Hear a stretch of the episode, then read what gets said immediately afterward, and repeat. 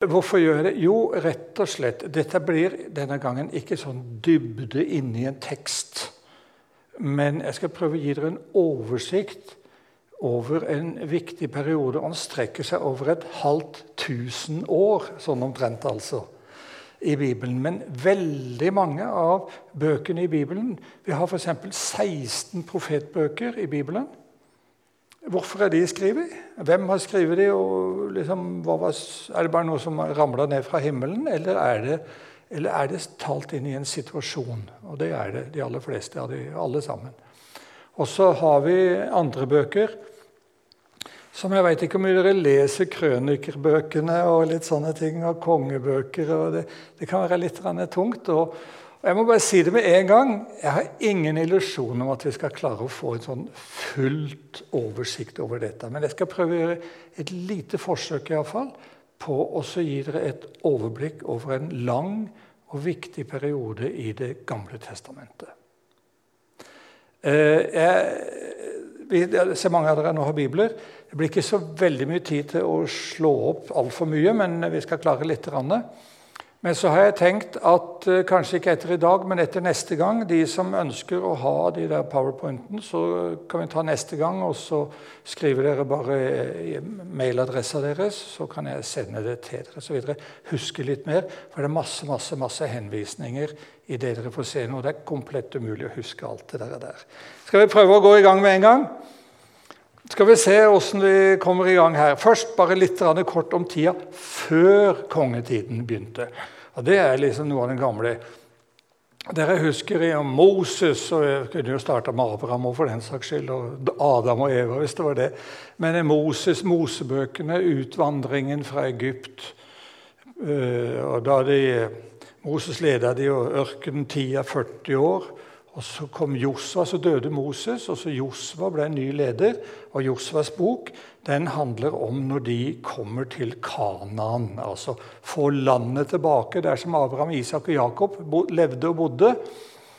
Eh, og så Etter 400 år i Egypt så kommer de tilbake igjen der. og Josvas bok er en tøff bok, den, altså, for det er mye kriger. Det er mye vondt i det hele tatt i Det gamle testamentet. Jeg skal ikke legge skjul på det. Gamle testamentet kan være en vanskelig bok å lese for oss kristne, for det er så mye vondt. Eh, rett og slett vondt. Og Jeg har vært lærer på Trottenborg i mange år og fått masse spørsmål om mye i Det gamle testamentet. Men etter Josva, etter han dør, og Israel folk har slått seg ned i Kanan, da, eller Israel om dere vil, så kommer den tida som blir kalt dommertiden. Dommernes bok, som kommer etter Josvas bok i, eh, i, Bibelen. Og det er åndelig sett en veldig tung periode. Og Den er sånn rundt regna nå fra 1200 før Kristus til 1000 før Kristus. Vi tar det ikke så veldig nøye, men sånn omtrent der. Og Der står det i Dommerne kapittel 2 at det, det var ei en vanskelig tid. Det var få, lite åndelighet. Det var rett og slett en vrien tid. Men det er noen gode dommere. Gideon han har dere hørt om en del, i alle fall. bare sånn navn i alle fall. Og ei dame som heter Deborah. Litt interessant at de hadde kvinnelige ledere også. Men det hadde de. Og den mest kjente av dommerne, det var den siste av dommerne, det var Samuel. Eh, og Samuel, eh, da han ble gammel, så hadde folket kikka rundt på alle andre folkeslag og sa vi vil også ha konge. Vi vil ikke at Gud skal være kongen vår, vi vil ha en skikkelig konge. Og Så gikk de til Samuel og sa du får finne en konge til oss. En som kan være leder i folket. Og Samuel var veldig lei seg for det.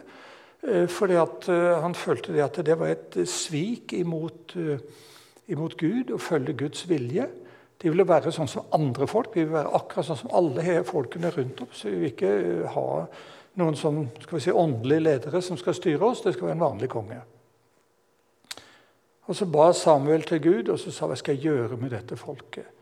Og Så svarer Gud Samuel og sier du, du skal gjøre som de sier. De skal få en konge. Det er ikke deg de har forkastet, står det, men det er meg, sier Gud. De vil ikke ha meg lenger. Og så ble Saul, kong Saul valgt som den første kongen i Israel. Han var svær, han var diger, han var et hode høyere enn alle de andre. står det. Og Alle tenkte en sånn flott og sprek og sterk mann blir en god konge, men det ble han ikke. Og Så går det en stund, og så ja, Samuel han sørga over Saul, som hadde begynt så godt, og så gikk det veldig dårlig med kong Saul. Eh, burde jo selvfølgelig starta liksom med kong Saul nå, men jeg sier ikke noe særlig mer om han nå. Nå kommer det noe som blir veldig over sånn greie, som dere ikke kommer til å klare å huske. Men her har jeg laga ei lita sånn tidslinje. Og der ser dere, Når vi teller fra 1000 og nedover til omtrent 500, så har jeg av og til elevene på Drottning på hvorfor går du gærne veien, sier de. Jo, for dette er før Kristus. 1000 år før Kristus, og så kommer 900, så kommer 800, så kommer 700. Vi må telle gærne veien. Det er tida så skriver jeg opp noen av kongene, bare noen ganske få, som vi skal snakke litt om. Vi kommer omtrent halvveis nedover i løpet av dagen i dag. Saul nevnte jeg bare så vidt. David og Salomo skal vi ta litt om. Jeroboam og Rehabeam, har dere hørt om de? Skal få lov å slippe å svare. De er litt viktige. Og da blir det riket som David og Salomo var konger over, det blir delt i to riker. Nord og sør, pleier vi å si det. Og Så går det en stund, og så ser dere noen andre kongenavn. Og Så går det Nordriket under, det bukker under, og seinere går Sørriket under. Og Så ser dere til høyre på den lista en del profeter. Og Her vil det være mange kjente navn for oss. i alle fall. Om ikke vi klarer ennå å si hva de holder på med, så er de midt i de aktuelle situasjonene. Og Det er sånn noenlunde rette årstall. Jeg har ikke satt opp akkurat det er dette vi skal prøve å gjøre litt med. Og helt så får vi det når de ble Ikke i dag, men neste gang. Og det er også Sørriket og med Jerusalem blir tatt, og folket blir ført til fangenskap i Babylon. By the rivers of Babylon. Det, nei, dere er ikke gamle nok. Kan dere den? Bonhjem? Ingen? Det er sånn gammel musikk for meg, det vet dere. Sånn gammel kan hende neste gang vi skal spille en eh, kjempefin poplåt som er direkte fra en av salmene. By the rivers of Babylon. Ved Babylons elver satt vi og gråt, står det i norske. Da vi tenkte på Sion. De lengta tilbake til Jerusalem. Og så fikk folket anledning å komme tilbake og bygge opp igjen tempelet som har blitt ødelagt. Og så er det et par profeter også der, Haggai og Zakaria, som vi skal snakke litt om. Det er oversikten som vi nå skal Skal vi komme halvveis i løpet av dagen i dag sånn omtrent. Det blir ikke, sånn, det blir ikke så veldig sånn tekstgjennomgåelse, men vi kjører litt på. her. David, store kongen i Israel. Her står en lang liste hvor vi kan møte David. I første Samuels bok og andre Samuels bok og første kongebok bare helt på begynnelsen, det er når David dør. Og I første krønikerbok står det om David i de kapitlene. Og i Salmenes bok 150 salmer. Og David har skrevet omtrent halvparten. 73 av de tror jeg det er. Som han har skrevet av de 150 salmene. Og Både i Gamle testamentet ellers og i Nytestamentet er det mye snakk om David, David, David. Han er den store kongen. Hva kaller de det israelske flagget i dag? Hva kaller de det for noe? Det, hva har det i midten? Det er noe hvitt og blått, og så er det noe i midten. og Det er det de kaller for Davids stjerne, sekskanta stjerne. David sjøl i dag, Israel i dag, trekker liksom tilbake til David. Det, han er den store kongen i Israel. Men vi får ta oss spesielt bare bitte lite grann. Saul, som var en dårlig konge og Så sier Gud til Samuel at du skal gå til Betlehem, til en som heter Isai. Og så skal du be om å få treffe sønnene til Isai. Og så skal du salve en av de til konge istedenfor Innvie, kan jeg godt si. Salve. Innvie en til konge av sønnene til Isai istedenfor Saul. Han er ikke brukelig som konge. Og Så dro Samuel til Betlehem. Og så traff han Isai der nede, og så sier han til Isai få, se sønnene dine. Og så kommer sønnene fram. Og så sier Yes, sier Samuel. Han blir det. Uh -uh, sier Gud. Det er noe som Gud taler til hjertet hans. Menneske, du Samuel, du ser på det ytre, du er en flott fyr. Men jeg, Gud, jeg ser til det indre, står det. Ingen er ikke brukelig. Nestemann, ikke han heller. Nestemann. Det er liksom noe i Samuel som eh, Gud sier liksom til ham nei, nei, nei, nei, dette er feil. Og så er det ikke flere igjen. Og så spør uh, Samuel Isak har du ikke flere sønner. Jo, jeg har en til, sier han. Han er ute og gjeter noen sauer. Han var guttunge. Jeg bare, gutta, Få han hit, sier Samuel. Og Så kommer det en guttunge. Vi veit ikke hvor gammel han er. Skal vi si 17 år eller et eller annet sånt noe? Jeg kaller det for guttunge. Dere blir fornærma hvis dere kaller en 17-åring for guttunge. Men ja, ja, han var veldig ung iallfall. Og så får Samuel det sånn for seg at yes, det er han som skal. Og så blir David salva til konge der i Betlehem. Når vi hører om Betlehem, så tenker vi stort sett bare på Jesu fødsel. Betlehem er viktig også i Gamle testamentet. Og det Ruth, Ruths bok. Ruth var hedningekvinne, var oldemor til David. Og Det er også litt interessant. Gud kan bruke hedninger også. Og så husker dere fortellingen om Goliat, gjør dere ikke det? Reis dere, dere som ikke husker fortellingen om Goliat. Det var ingen. Det var når David eh, kjempa mot den svære kjempa mot kjempen Goliat og drepte han. Og da ble David veldig populær blant folket. Og hvem var det som ble sur da? Det var Saul. Han var ennå konge. Det er liksom to konger på en måte på den tida en liten stund. Og Saul blir fryktelig misunnelig på at alle var elska og beundra David. Og ingen beundra Saul. Det er tøft, det. Han som var konge, og ingen brydde seg om han. Han hata David, og så var han redd for David også. Han var redd for David òg. Liksom sånn blanding av hat og frykt. Begge deler. Han prøvde å drepe David. David måtte flykte fra Saul flere ganger. Men på den andre siden er det en sånn merkelig forhold de to imellom. For Saul er det veldig ekko i eh, de greiene her. er det det? Skal jeg hive av hele greia, eller? Nei. Eh, Saul trengte David også, for han var veldig mye deprimert. Og så fikk han David til å spille på harpe, og det hjalp på depresjonene til kong Saul. Det er litt sånn pussig. Han hata han, og samtidig så trengte han han. Jeg tenker av og til uten sammenligning for øvrig. Jeg har hatt mange unger. Jeg har fire. Jeg har fire. De har vært små en gang. Og De kan være så sinna som de bare vil på foreldrene. Dumme og teite foreldre. Det er verste som folk som fins. Og så går det en stund, og så kommer de fordi de har bruk for oss likevel. Bare vent. Dere får snart oppleve det samme sjøl. Det var mye verre, dette. Det var noe helt annet. Og så var han, eh, David var venn med sønnen til Saul. Veldig god venn med han. Og så ble han gift med dattera til Saul. Det som kanskje er noe av det første som vi, sånn viktige ting, bortsett fra det med Goliat, det er at David han var konge i en by som heter Hebron, sør i landet. Og Så går han nordover, og så ser han en by. Det bor jebusitter der. Vi bryr oss ikke noe om det. Det bor noen folk der et sted. Jerusalem. Salem. Eh, fred betyr det. Shalom, sier de i dag. Og Den byen tok David, inntok den for å gjøre den til hovedstad. Og Nå snakker vi om sånn nesten 1000 år før Kristus. Og Hva er Israels hovedstad i dag? Det er Jerusalem.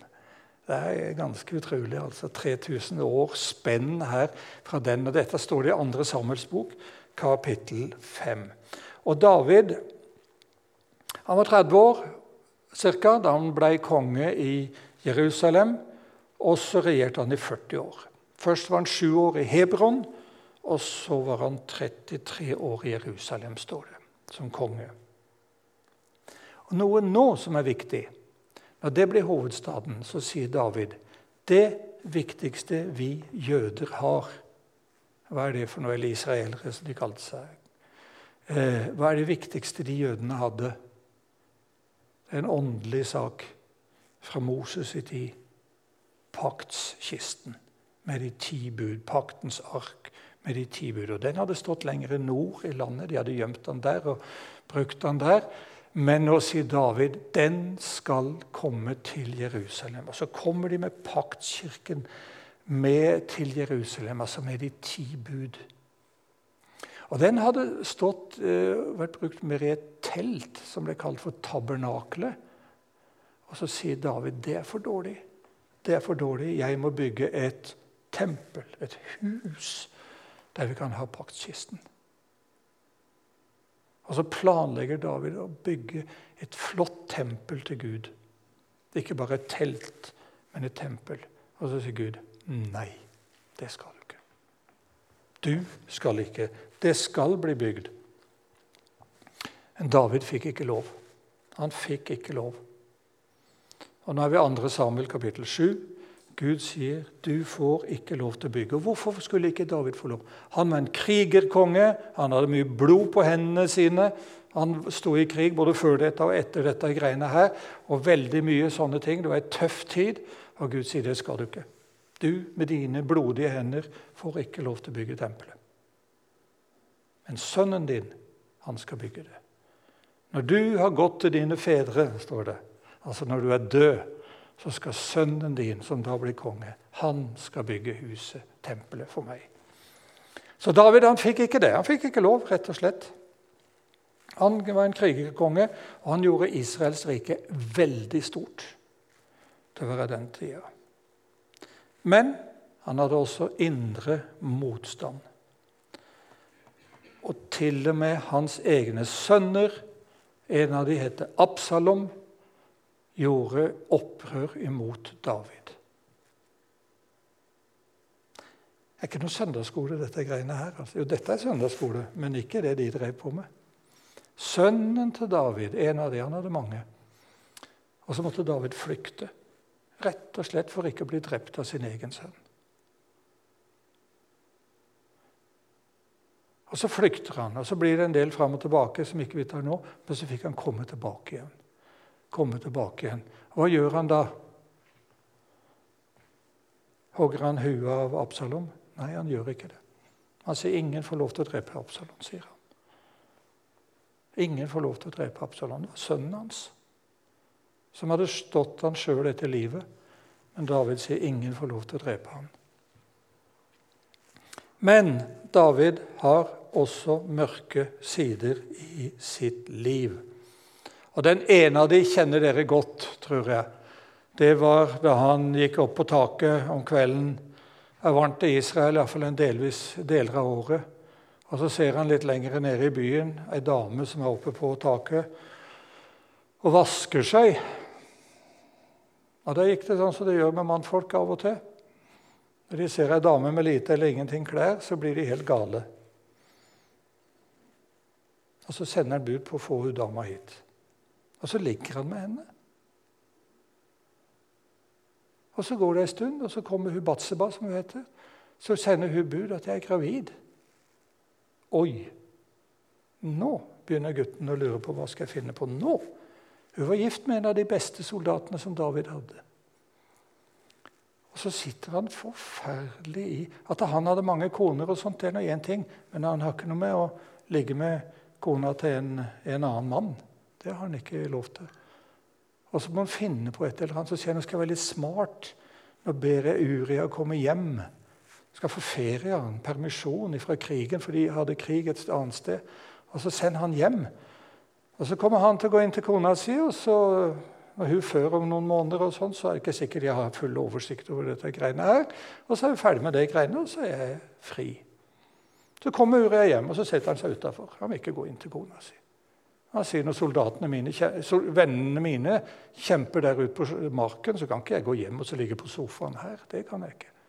Så nekter han å gå inn i huset sitt. Og hva gjorde David da? Da blir han skikkelig sinna. Og Så sender han et brev til, sender han Uria tilbake igjen. Og så skriver han brev til han generalen som var der ute. Sett Uria på den verste plassen som fins.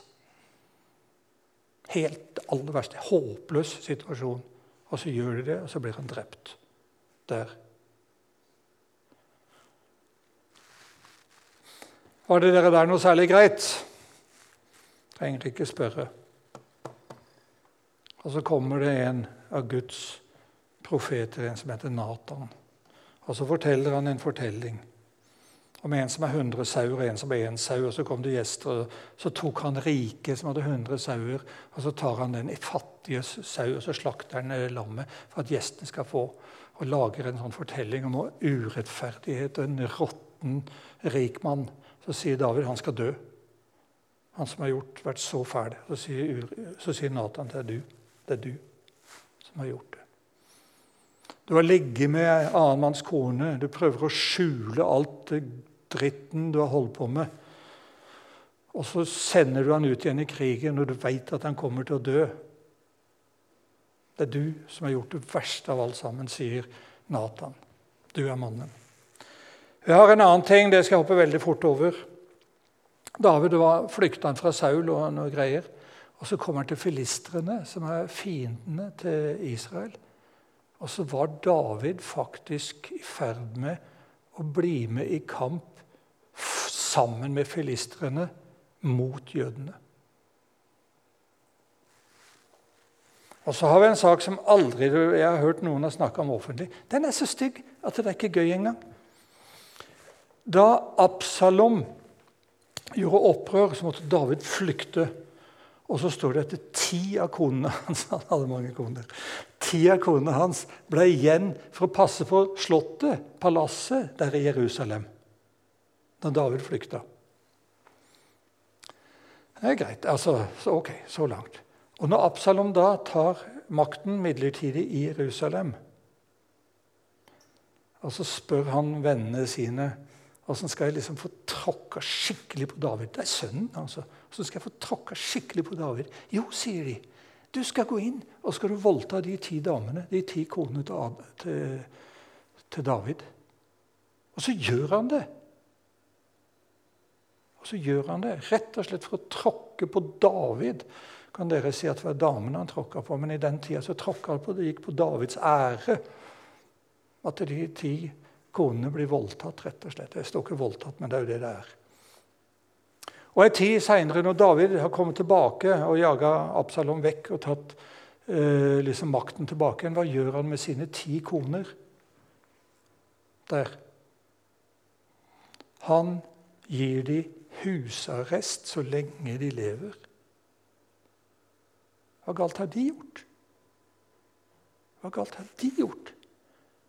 Men han er så sår og fornærma David at han lar det gå utover de konene sine. Jeg syns det er så dårlig, altså. Skikkelig elendig. Det er de som får straffen for det som Absalom har gjort. David var ingen helgen. Det var han ikke. Men det er en storhet med David, og den skal vi ta med oss.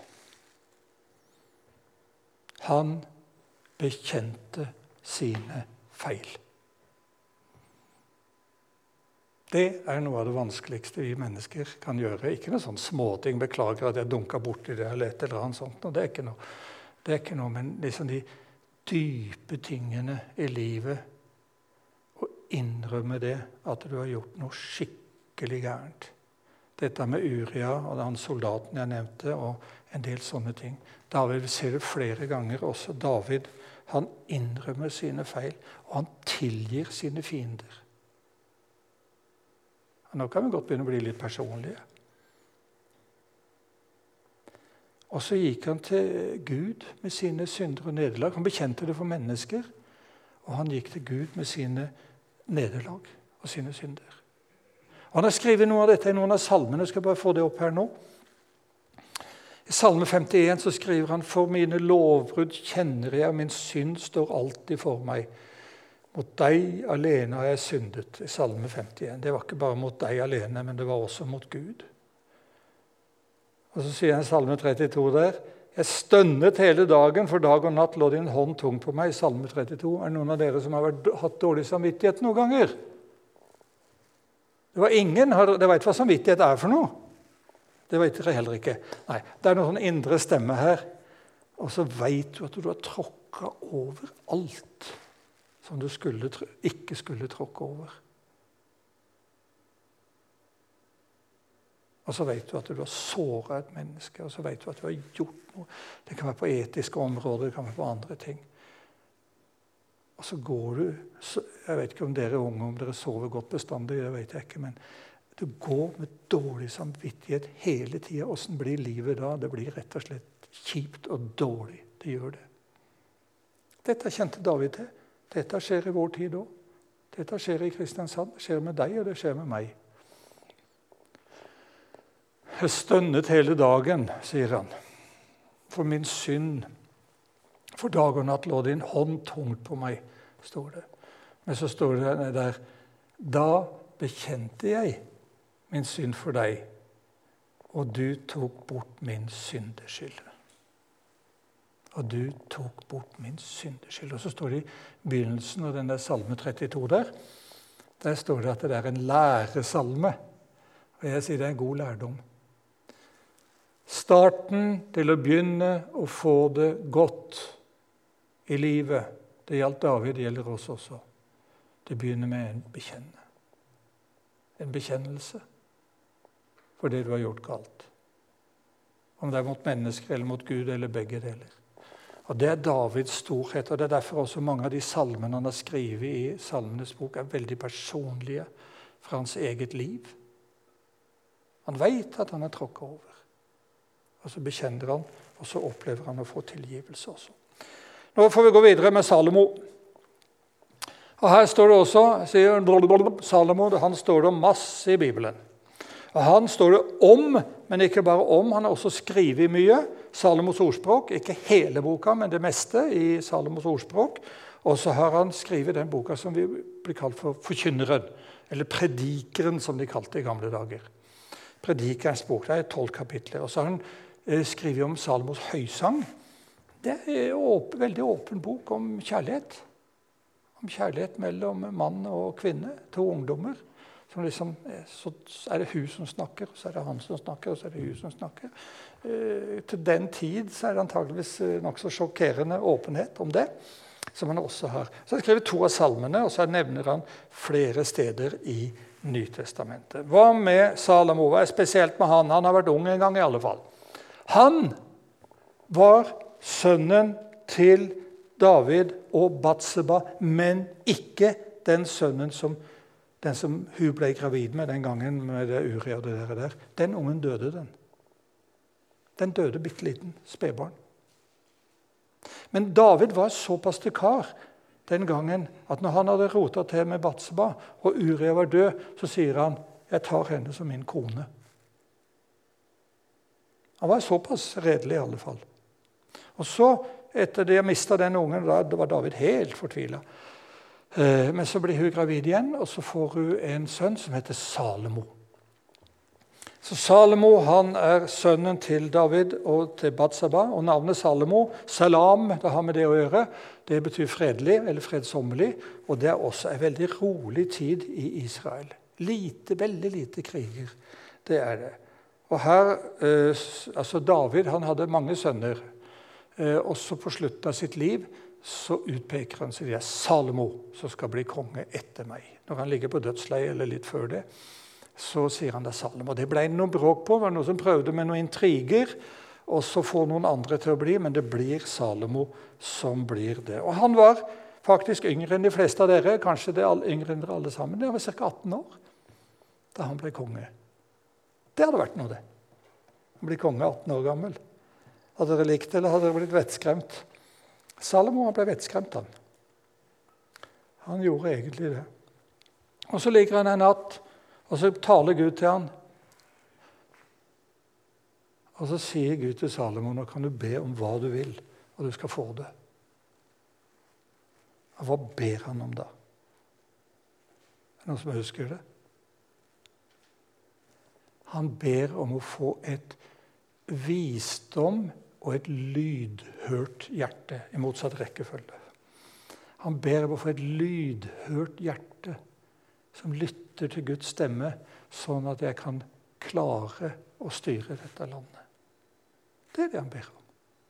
Ikke å bli rik, ikke å bli mektig, ikke ditt og ikke datt. Sånne ting som vi kanskje ville tenke på. Ikke en bil ba han om å få en gang. Ingenting sånt. Ikke sykkel engang ba han om. Han ba ikke om noe, han ba om å få et lydhørt hjerte Det er en fin bønn, det, av en ungdom. Høre Guds stemme. Bli ledet av Gud. Og så sier Gud, ja, det skal du få. Det skal du få.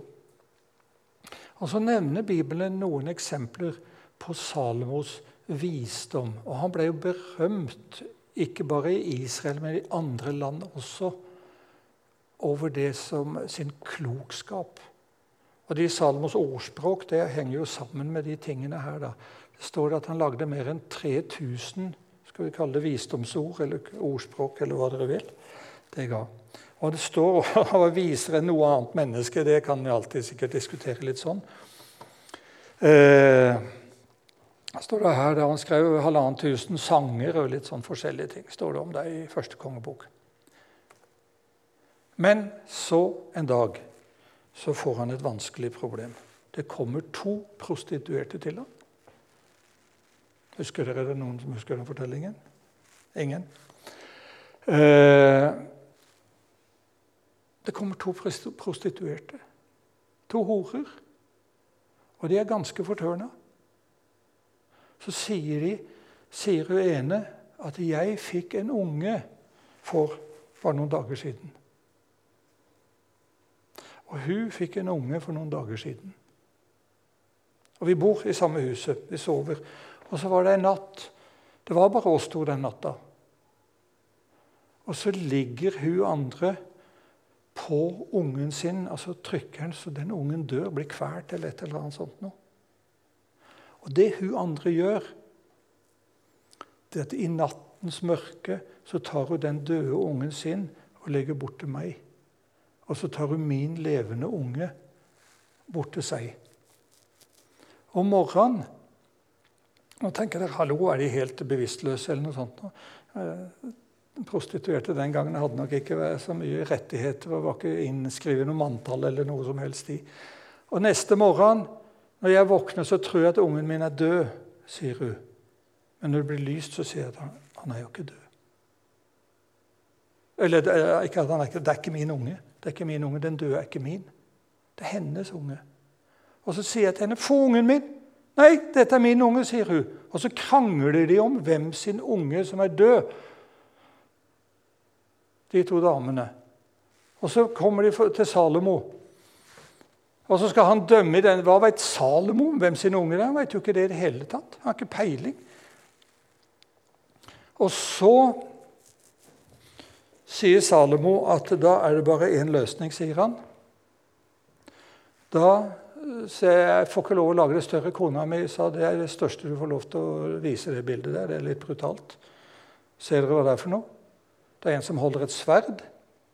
Ser dere at han holder en liten baby i hendene sine?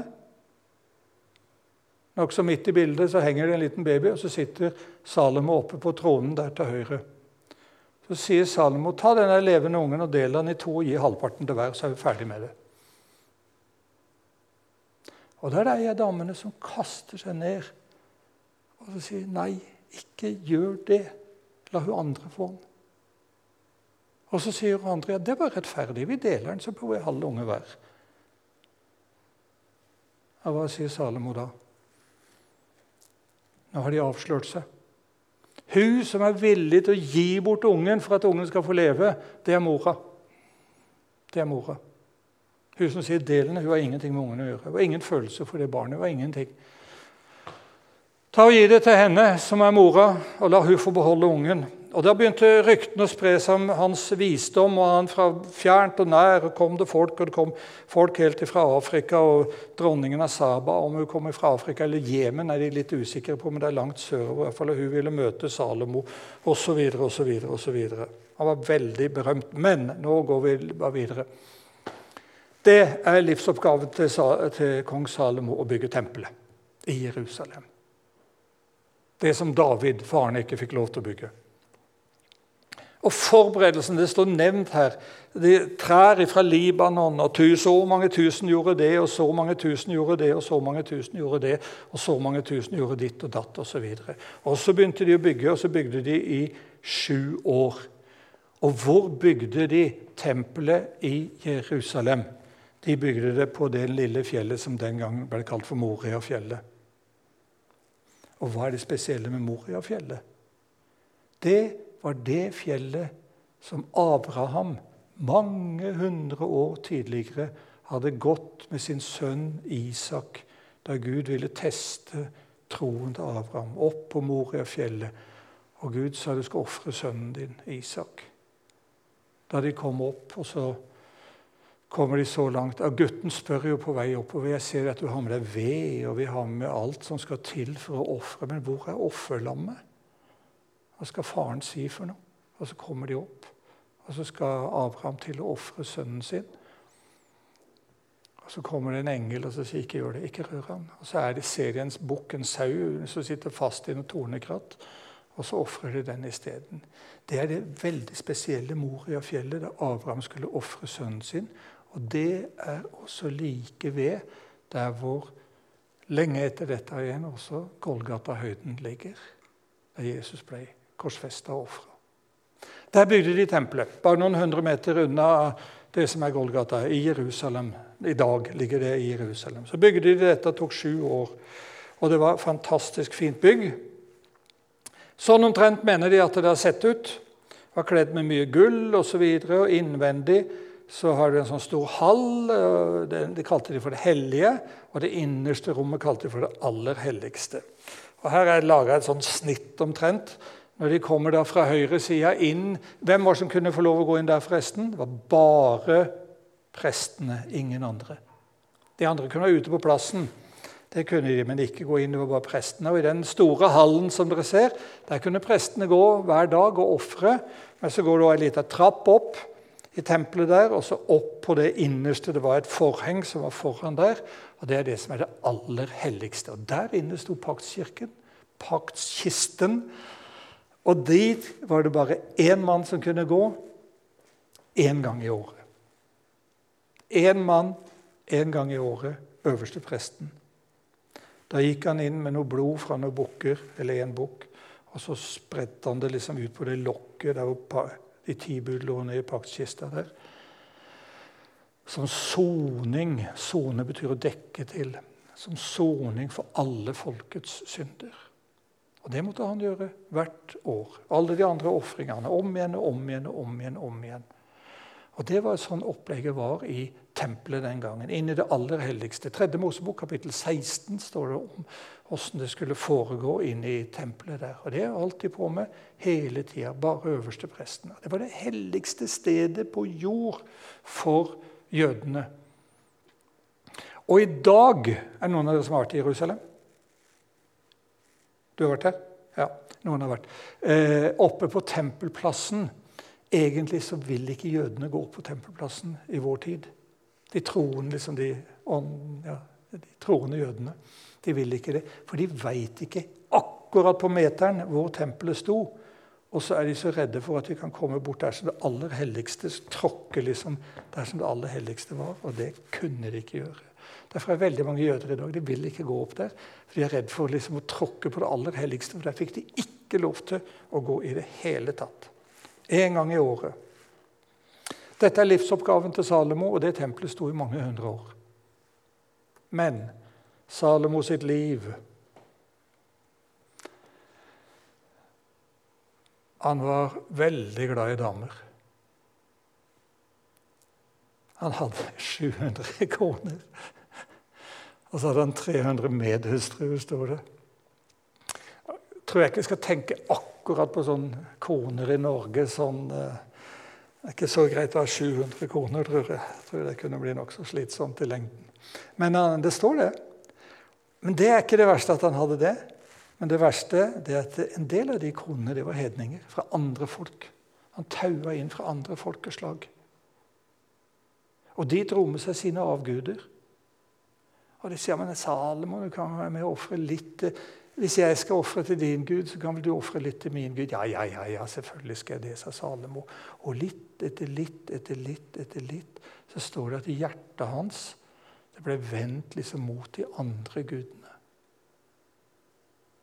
Og Så begynte disse damene også å si at eh, gudebilder. Hjemme i hjemlandet mitt så hadde vi jo noen guder som vi kunne liksom se og liksom lage noen støtter. og det kan jo ikke lage noen sånne gudebilder her. Ja, ja, ja, får gjøre et par stykker da, liksom, for å holde noen av de konene i godt humør osv. Og så fikk disse damene snudd Salomo vekk. Siste delen av livet til Salomo er en veldig nedtur. En veldig nedtur. Han som begynte så godt i ungdommen. Det står ingenting om at han eh, kom tilbake igjen til Gud. Det er en som kanskje antyder det, men vi veit ikke. Han forlot det han hadde arva fra sin far. Han forlot det som han hadde lært. Og så bygde han altere for hedenske guder i Jerusalem. Og så ble det også i riket hans en del motstand da, mot Salomo. Kongedømmet. Og så er det en som heter Jeroboam. Han har dere nok ikke hørt om, som var den største utfordreren. Eh, han flykta til, eh, Egypt fordi han eh, tok over av Salomo skal du si, ville ta han så han flykta, men nå skal vi snart møte han igjen.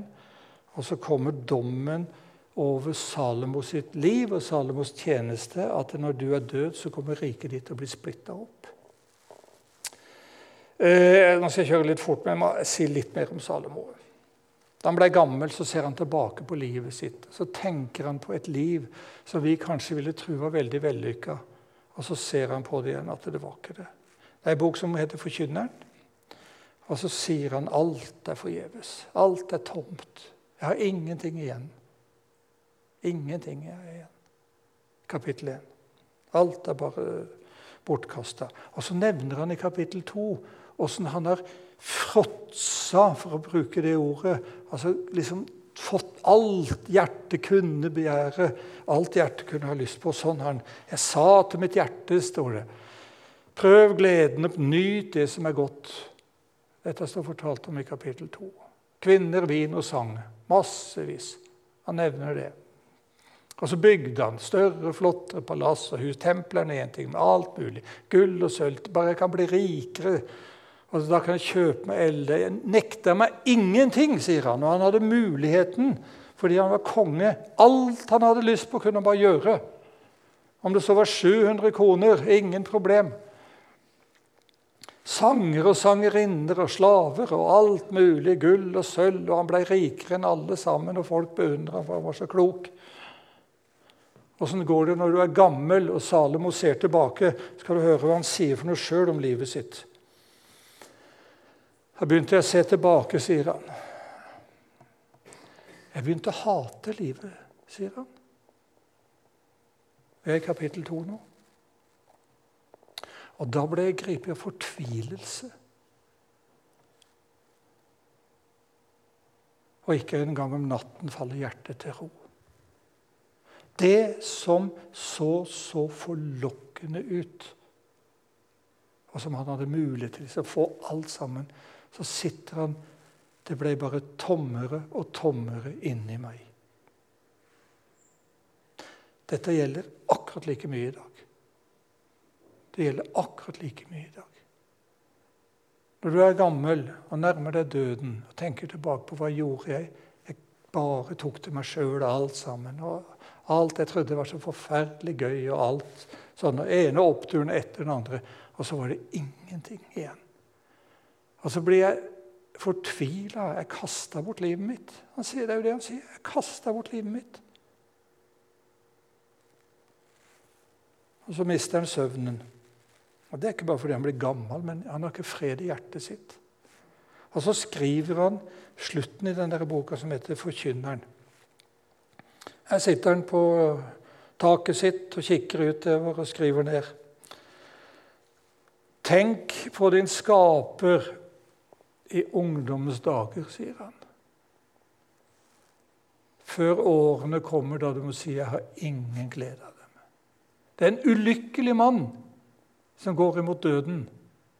Ikke fordi han var fattig, ikke fordi han opplevde så mye vondt ifra andre, men fordi han somla bort livet sitt på tull og tøys. Jeg har ikke noe glede av livet mitt, og det jeg har gjort. Jeg har ingen glede av dagene nå. Og så sier han det helt på slutten av den boka. Dette er summen av alt du har hørt. Frykt Gud og hold Hans bud. Dette gjelder for alle mennesker. Det er så mye livsvisdom i de ordene. Du ødelegger ikke livet ditt ved å tro på Gud. Du ødelegger ikke livet ditt ved å leve etter Guds ord. Du får et godt liv. Men du risikerer å ødelegge livet ditt hvis du kaster alt Gud har sagt, bare på skraphaugen og sier 'jeg skal ha det, alt jeg vil, jeg vil leve akkurat som jeg vil'. Da risikerer du. Salomo ødela livet sitt han, på det. Og så sier han, når han er en gammel mann og nå skal dø, så sier han at dette er det rådet jeg vil gi til dere unge. Lev etter Guds vilje. Nå skal vi ta en pause.